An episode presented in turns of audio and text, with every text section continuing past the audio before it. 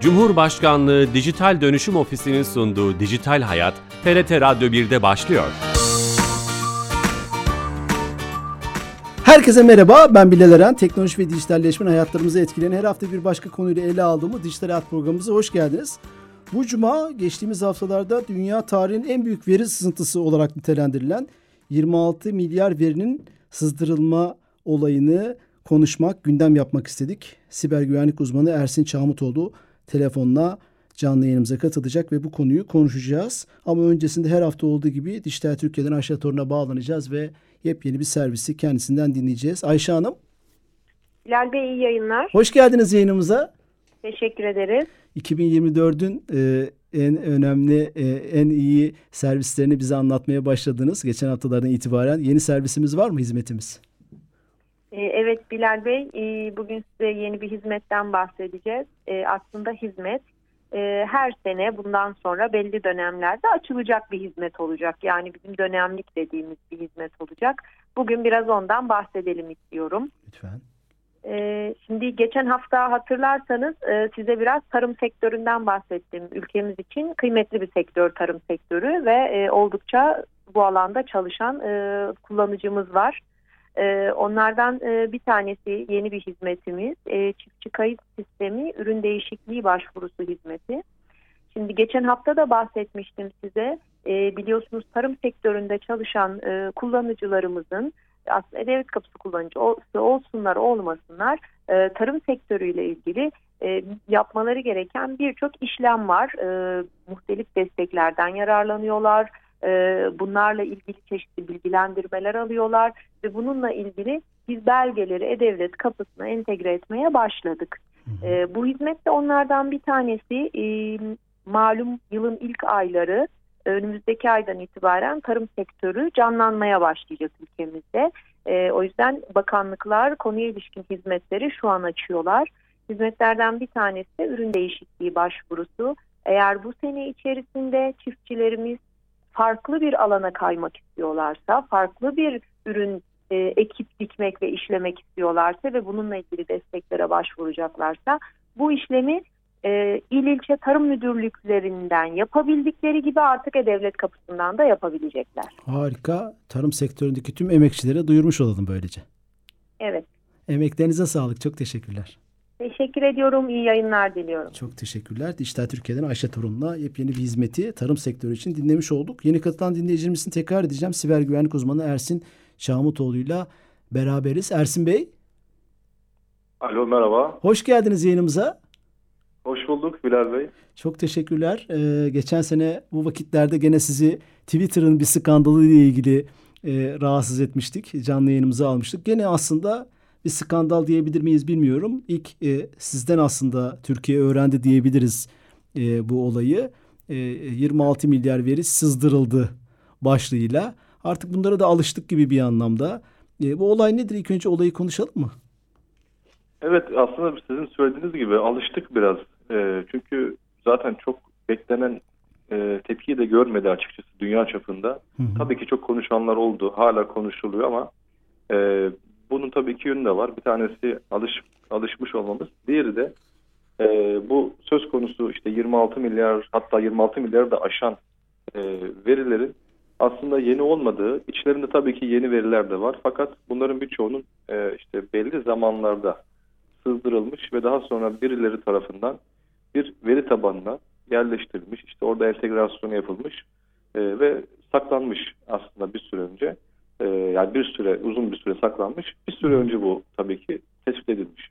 Yani bunu dünyanın en büyüğü işte olarak niteleyen var. İşte bütün ihlallerin anası diye niteleyen var. Hı hı. E, bu çeşitli tanımlama, tanımlamalar var. Çünkü e, yani görmüş olduğumuz bazı veriler var. Tabii ki detaylar bilmiyoruz ama yani gerçekten pek çok uygulama, pek çok e, işte web sitesinden veriler burada çekilmiş, bir şekilde ihlal olmuş ve buraya e, birileri tarafından işte entegre edilmiş, orada saklanmış ve buna sızıntı tabii ki diyorlar. Yani her ne kadar e, yani dünya çapında bir skandal olarak adlandırılmasa da bu bir sızıntı olarak e, tanımlanıyor. Dolayısıyla işte yaklaşık bir haftadır e, halen tartışılıyor aslında bu konu. Hı hı. Siz sanki buna katılmıyormuş gibisiniz ama sızıntı olduğu buna katılmıyormuş. Yani bu bir habercilerin, gazetecilerin e, daha çok okunması için haberci refleksiyle yaptıkları başlıklar gibi ve sanki bunlar bir veri sızıntısından çok daha önceki verilerin klasörlenmiş bir veri tabanı şeyini kullandınız mesela tanımını kullandınız. Bak, evet öyle ama yine de işin sonunda bu işin tamamen yani e, faaliyet olarak, aktivite olarak yani siber suçlarda veya siber güvenlikte buna tabii ki veri sızıntısı diyoruz. Dolayısıyla ben de katılıyorum. Evet bu veri sızıntısı ama e, ama diyorum çünkü e, yeni bir için yani tamamen 26 milyarın tamamının yeni bir sızıntı olduğuna dair bazı işte medya kuruluşları veya bazı kişiler bir paylaşım yapıyor. Fakat öyle olmadığını e, ben de o zaman paylaştığımda söylemiştim. Yani bunun içerisinde evet yeni bilgiler de var. Çünkü bunu tespit edenler bunu söylüyor. Biz de gördük diyor ama e, çoğunluğu belirli zaman aralıklarında işte ilgili uygulamalardan sızdırılmış verilerin e, birleştirilmiş, toplanmış bir hali. Yani bu 26 milyarın yer aldığı e, veri tabanı bu şekilde eskilerden de gelen, içlerinde yeniler de olan bir olay. Ama genel olarak baktığımızda tabii ki bu veri sızıntısı ister 10 sene önce olsun, ister 10 gün önce olsun. Sonuç olarak sızdırılmış bunlar yani. Hı hı hı. Bu o zaman biri veya birileri tarafından geçmişteki e, birçok olayda ki sızdırılan verilerin derlenmiş bir veri tabanına koyulmuş hali, klasörlenmiş hali diyebilir miyiz? Bir haber okudum mesela 3800 tane klasörden bahsediliyor. E, evet. Doğru mu? E, doğru. Onu ben de gördüm. Daha doğrusu bu e, olayı tespit edenlerden bir tanesi Bob Diachenko diye bir yabancı bir siber güvenlik uzmanı. Kendisi hatta bir görselle paylaştı ve e, araştırmalara halen devam ettiklerini söyledi daha 3-4 gün önce. Ve 26 milyarı da geçen bir e, sayı var. Aynı şekilde 3000'in üzerinde 3080, 3090, 3200 hı hı. E, ya bununla ilgili de bir rakam değişir çünkü halen üzerine çalıştığı söyleniyor.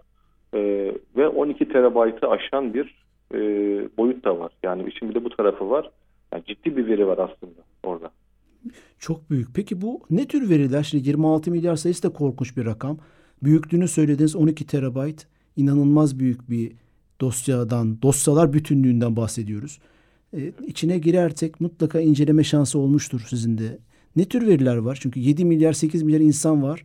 Ee, nasıl 26 milyar veri oluyor? Çok kabaca bir evet, soru sormak o da, istedim. Evet iyi bir soru. Çok tartışıldı. Hatta benim yazdıklarıma yorumlar da geldi. Ya dünya nüfusu belli 26 milyar nasıl oluyor? Yani burada yanlış anlaşılan bir şey var. 26 e, milyar kişinin verisi sızdırıldı denmiyor zaten. 26 milyar kişisel veri. Yani sizin e, onlarca uygulama kullanıyorsunuz. Her uygulamada sızan verileriniz işte atıyorum 100 veri olarak hesaplanıyor. Çünkü farklı yerlerden çekiliyor bunlar. Hı hı. Burada da e, işte özellikle Çin'deki bazı işte uygulamalar, işte Tencent Holding'in altındaki WeChat gibi uygulamalar, işte e, yine birçok e, dünya çapında kullanılan e, işte isim verebiliyor muyuz bilmiyorum ama. Lütfen lütfen evet iyi anlamamız için ben soracaktım zaten hangi uygulamalar, tamam. hangi platformlar. Yani LinkedIn'den başlayın. işte Adobe kadar, ondan sonra Canva, e, MySpace her ne kadar çok aktif olmasa da işte eski oldu biraz da buradan belli zaten. MySpace'ten kalan şeyler var. Aynı şekilde yine Telegram'da e, çekilen bazı veriler olduğu söyleniyor. Yani dolayısıyla aslında birçok uygulama ve yani hem mesajlaşma uygulaması hem sosyal medya uygulamasından e, çekilen, toplanan, ihlal edilen, sızdırılan veriler var. Bunların nasıl yapıldığı tabii ki bilinmiyor. Yani nasıl alınıp buralara yerleştirildiği, işte derlendiği, buraya bu veri tabanını kimin yönettiği, nasıl çekildiği bununla ilgili tabii ki e, çok şey farklı şeyler var. Yorumlar var. Hı hı. E, ama uygulamalar çeşitli. Yani 20'nin üzerinde uygulama var. E, onu gördüm en azından. Yani isimlerini şu an tek tek hatırlayamıyorum ama 20'nin üzerinde uygulama ve web siteleri de var bunun içinde bu arada. Yani sadece uygulama veya e, sosyal medya platformu olarak bakmayalım bazı web siteleri var. Bunlardan ele geçirilen veriler de var. İşte Adobe dediniz mesela. Bu aslında evet. e, tasarımcıların kullandığı bayağı mesleki bir program. E, evet. Dolayısıyla e, sadece sosyal medya veya mesajlaşma uygulamaları değil, çevrim içi bütün platformlardan belki de. Dropbox okumuştum ben. Dosyalarımızı sakladığımız çevrim içi bir platform. E, evet, evet. Dolayısıyla e, bütün internet platformlarını kapsıyor gibi görünüyor. Doğru mu? Evet ya çoğunu kapsıyor. Çoğunu kapsadığını söyleyebiliriz. Zaten biz oradaki verilerimiz işte kullanıcı adı, parola, e-posta bilgileri, telefon bilgileri e, veya işte uygulamanın bizden istediği hangi amaçla kullanıyorsa, hangi uygulamaysa bu oradaki veriler. Yani sığdırılan verilerin aslında bunlar olduğunu zaten e, çok kolay anlayabiliyoruz aslında. Bir de şey dikkatimi çekti. Bir, bir ülkeye veya bir coğrafyaya ait platformlar değil. Mesela Çin'den bahsediyorsunuz. Çin genelde kapalıdır. Hani birçok konuda işte Weibo dediniz, Tencent dediniz değil mi? Çin merkezli uygulamalar. Evet. Demek ki ülke bağımsız bunu yapanlar veya bunu derleyenler. Tabii kesinlikle öyle. Ee, hatta ona gelelim yani bunu kimler yaptı konusu çok tartışılıyor. Hı hı. Ee, ilk gün yani haberin çıktığı ilk günlerde bu ilgili uzmanlar, bu tespit eden uzmanlar şunu söyledi. Bizim yorumumuz bunu yapan yani bu e, derlemeyi yapan ve bu veri tabanını oluşturup kontrol eden kişiler hacker değiller. E, biz bunların veri komisyoncusu olduğunu düşünüyoruz diye bir ifade kullandılar. Çok yani bir şekilde bu verileri e, tutup artık ne kadar süre tutuyor onu da bilmiyoruz. Çünkü bunların zaman da belli değil. Ne zaman buraya e, toplandığı. Bunları bir şekilde birilerine işte ticari e, amaçla sattıkları e, düşünülüyor, tahmin ediliyor. E, bu mesela çok daha korkunç bir şey bence. Hani çünkü hackerlar ne yapar? Veri sızdırır. Bunları belki birilerine işte yine kendi çevresinde satarlar. E çıkarlar bu işten değil mi? Yani e, Evet çıkarlar. Sonra başka yerlere yönelirler. Başka bir şey. Burada e, uzun bir süre tutulan, tutulan verilerden bahsediyoruz ve bunları kimlere kimlere hangi dönemlerde satılıyor ve hangi amaçlarla satılıyor bunları tabii ki e, bilemiyoruz bu bir de çok ciddi bir yer kaplar. Bunu barındırmak, ayıklamak, e, işte dediğiniz gibi klasörlere saklamak ciddi bir efor işi. E, sanki bir bir bir ekip bunu bir iş modeline dönüştürmüş gibi adeta bir veri bankası belki de siz onu daha güzel ifade ettiniz. Veri komisyonculuğu böyle bir e, şeyden de şüpheleniyor olabilir mi?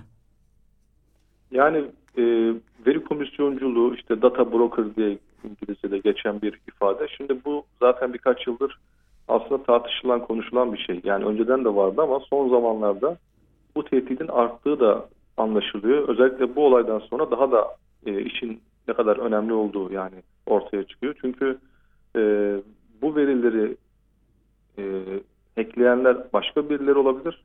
Aynı şekilde işte bu da broker dediklerimiz hackleyenlerden belki de satın almışlardır. Kendileri de bunu ticari olarak bir şekilde işte dünyada çeşitli yerlere kimler müşterileri kimlerse onları satıyorlardır. E, bu e, yani bugün bizim Türkiye'de de yaşıyoruz bunları. İşte belirli yerlerden mesajlar alıyoruz. Telefonlar geliyor. Reklam amaçlı içerikler şunlar bunlar geliyor. İşte acaba bizim bu bilgilerine nasıl ulaşıyorlar? Telefonuma nasıl ulaşıyor? E-postama nasıl ulaşıyor diyoruz. Hı hı. Burada da aslında böyle bir şey var. Dünya çapında bir sorun olduğu için herkes de dünyada herkes de bu, bu tarz sorunlar yaşıyor.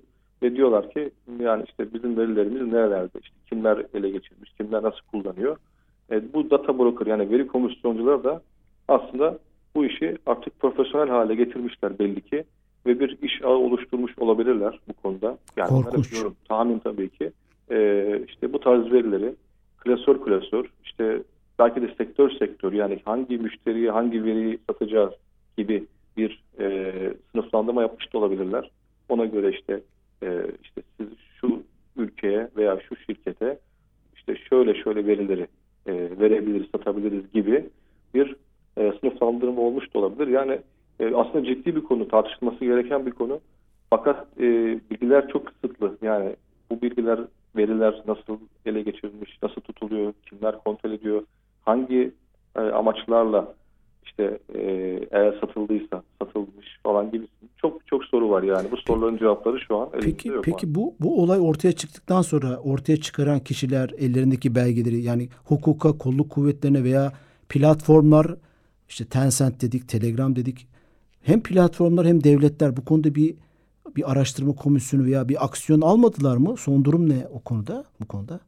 Yani açıkçası bununla ilgili hiçbir haber görmedim son zamanlarda. Ee, dediğim gibi yani bu ilk başta söyledim ya yani sanki çok ciddiye alınmamış gibi. Ama, ama çok ilginç aslında... değil mi? Ee, çok ilginç evet. değil mi? Yani böyle bir şeyden bahsediyoruz ama kimse hani olmamış gibi mi davranıyor? Veya işin içinde bunlar da mı var acaba? Bu platformlar da mı var? İnsanın aklına provokatif bir soru geliyor. Tabii ya şöyle e, bunları paylaşanlar e, yani üç tane üç farklı kaynak var. Ben de bunları paylaştım. E, ya bunlar aslında uzun zamandır bu işin içerisinde olan kişiler. Yani siber güvenlik sektöründe hı hı. işte genel olarak veri sızıntısı değil sadece birçok bir konuyu araştıran, yazan, çizen hatta bir tanesi çok ünlü bir şirket bunların. Yani antivirüs üzerine çalışan bir şirket. Hani bunlar da bu, bu sürece dahil olmuş. Bunu gördük. Ee, ama e, onların bu topladığı verileri, bilgileri, el, elde ettikleri bilgileri kimlerle paylaştı e, ve aksiyon alındı mı alınmadı mı bunları bilmiyoruz. Alınmış Çok olması ilginç. gerekiyor. Belki arka planda bir şeyler yapılıyordur onu da bilmiyorum. Geçtiğimiz günlerde e, dün veya önceki günde hatta hatırlamıyorum tam tarihini ama USOM yani bizim BTK'nın USOM'u bununla alakalı bir içerik, e, bir e, tweet paylaştı. Tamam. Orada bu konunun aslında gündemlerinde olduğunu biz görmüş olduk onların da. İşte yani böyle bir istihbarat aldık. E, işte bununla alakalı değerlendirme e, yapıyorlar gibi bir e, izlenim oldu bende. Yani arka planda devletler, işte ilgili kurumlar diyelim, bu, bu işin farkında. Bunun üzerine çalışma yapıyorlar. Ne kadar ciddi, ne kadar değil, ne var içinde, ne yok bunlarla ilgili araştırma yapılıyor.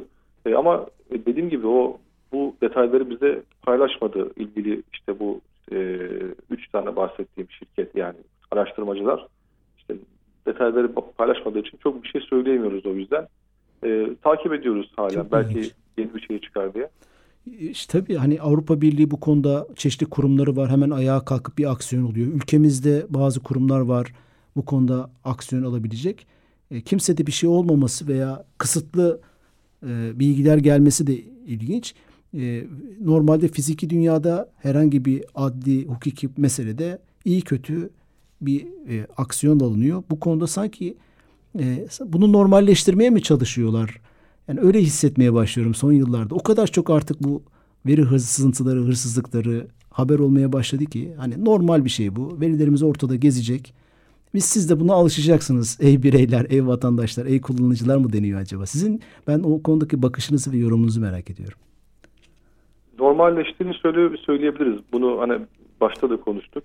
Yani vatandaş olarak biz de normalleştirdik. Çünkü bunların neredeyse her ay e, karşılaşıyoruz bu tarz olaylarla.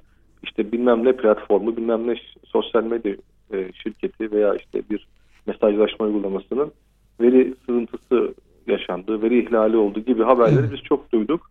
E, dolayısıyla alıştık artık bunlara ve her defasında hani biz ne yapacağız, ne yapacağız diye bir sorular ortaya çıkıyor. Yani tamam verilerimiz sızdırıldı, biz ne yapalım, ne yapmamız gerekiyor? Ve bu sürekli olduğu için artık alışkanlık haline geldi ve ya zaten verilerimiz çıkmış. Artık ben bir daha niye uğraşayım noktasına geldi bazı. Bunun doğası bu yani. İnternet kullanma evet. da veriler çeşitli şirketlerce ele geçirilir, piyasaya satılır veya hackerlar tarafından. Bunu normal karşılamamız mı bekleniyor acaba?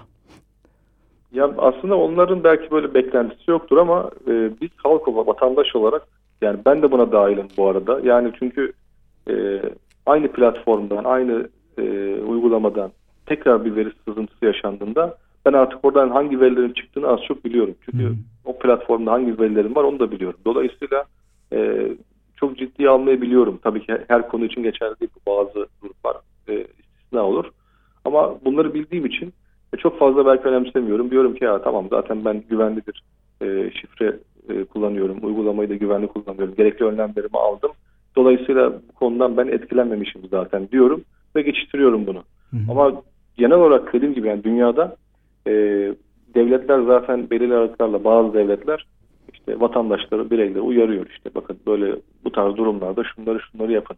Böyle bir ihlal yaşanması durumunda işte siz emin olmasanız bile işte pavlarınızı değiştirin vesaire gibi önerilere e, önerilerde bulunuyor bulunuyorlar. Dolayısıyla e, şunu söyleyebiliriz. Yani evet bir normalleşme görünüyor. Yani artık herkes bu normal karşılıyor. Belki bir devletin hassas verisi yani bir devletin bir kurumun hassas verisi sızdırıldığında o zaman büyük bir aksiyon alınır. Çünkü bunu hep görüyoruz. Amerika'da, Rusya'da, Çin'de e, işte Çinlilerin Amerika'ya yaptığı siber casusluk operasyonlarında Amerika ortalığı ayağa kaldırıyor Doğru. adeta mesela. Yani Hı. bu tarz durumlarda belki e, çok büyük ses geliyor diyebiliriz. Evet. Yani şöyle anlıyorum. Hırsızların peşinden koşmaktansa kapınıza yeni kilit, yeni alarm, evinizi daha güçlü yapın gibi uyarılar var yani. Vatandaşın omzuna yüklenmiş. Bilmiyorum bu e, örneğim oturdu mu ama. Ama şu evet ama şunu söyleyelim. Yani bu siber tehdit dediğimiz işte siber suçlar dediğimiz yani bunlar bitmiyor. Hani biri bitiyor öbürü geliyor işte Interpol olsun diğer büyük işte uluslararası e, kolluk kuvvetleri zaten sık sık bu çeteleri çökertiyor. Bunlar operasyon yapıyor ama bunlar bitmiyor. Türkiye'de de bitmiyor. Başka yerde de bitmiyor. Bunlar biri gidiyor öbürü geliyor. Hı hı. Şimdi bunlarla tabii ki onlar e, yapıyor gene mücadelesini ama e, diğer tarafta en basit yoldan vatandaşın yapabilecekleri önlemler var. Bunlar daha e, pratik olduğu için bu şekilde bir tavsiyede bulunuyorlar. Hmm. Son iki dakikamız kaldı. O önlemler siz paylaştınız ben takip ettim. Hemen şifre dediniz mesela. Dolayısıyla bu işin kilit anahtar şeyi parolalarımız herhalde. Ne önerirsiniz son iki dakikada?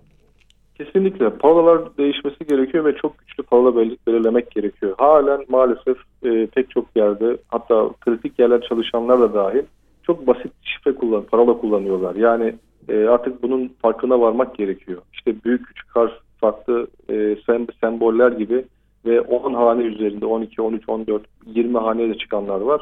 Böyle güçlü parola belirlemek gerekiyor ve mümkünse hepsinde farklı olacak. Yani bütün uygulamalarda farklı farklı kullanmak gerekiyor. Bu birinci adımımız. İkinci adım e, iki faktörü doğrulama veya çok faktörü doğrulama diye bir önlem var. Çok etkili bir önlem. E, bunu telefon numarasıyla veya e, üçüncü parti uygulamalar var bu konuda e, güçlü e, güvenlik sağlayan. Bunları kullanıp e, güvenlik önlemimizi almamız gerekiyor.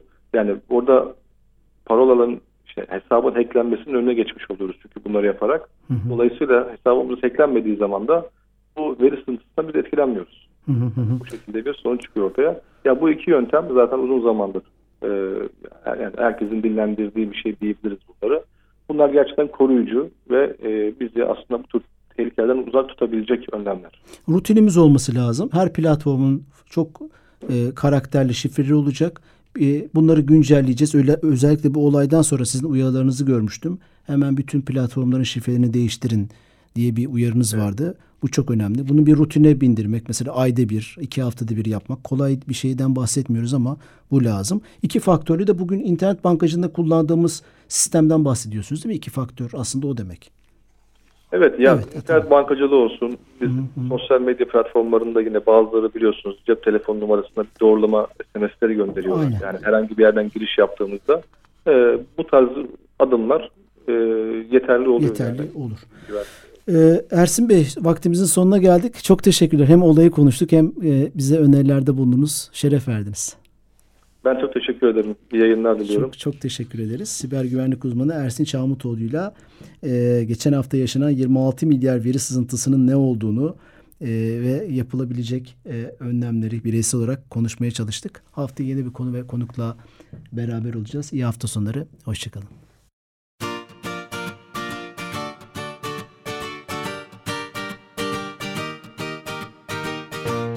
Cumhurbaşkanlığı Dijital Dönüşüm Ofisi'nin sunduğu Dijital Hayat, TRT Radyo 1'de sona erdi.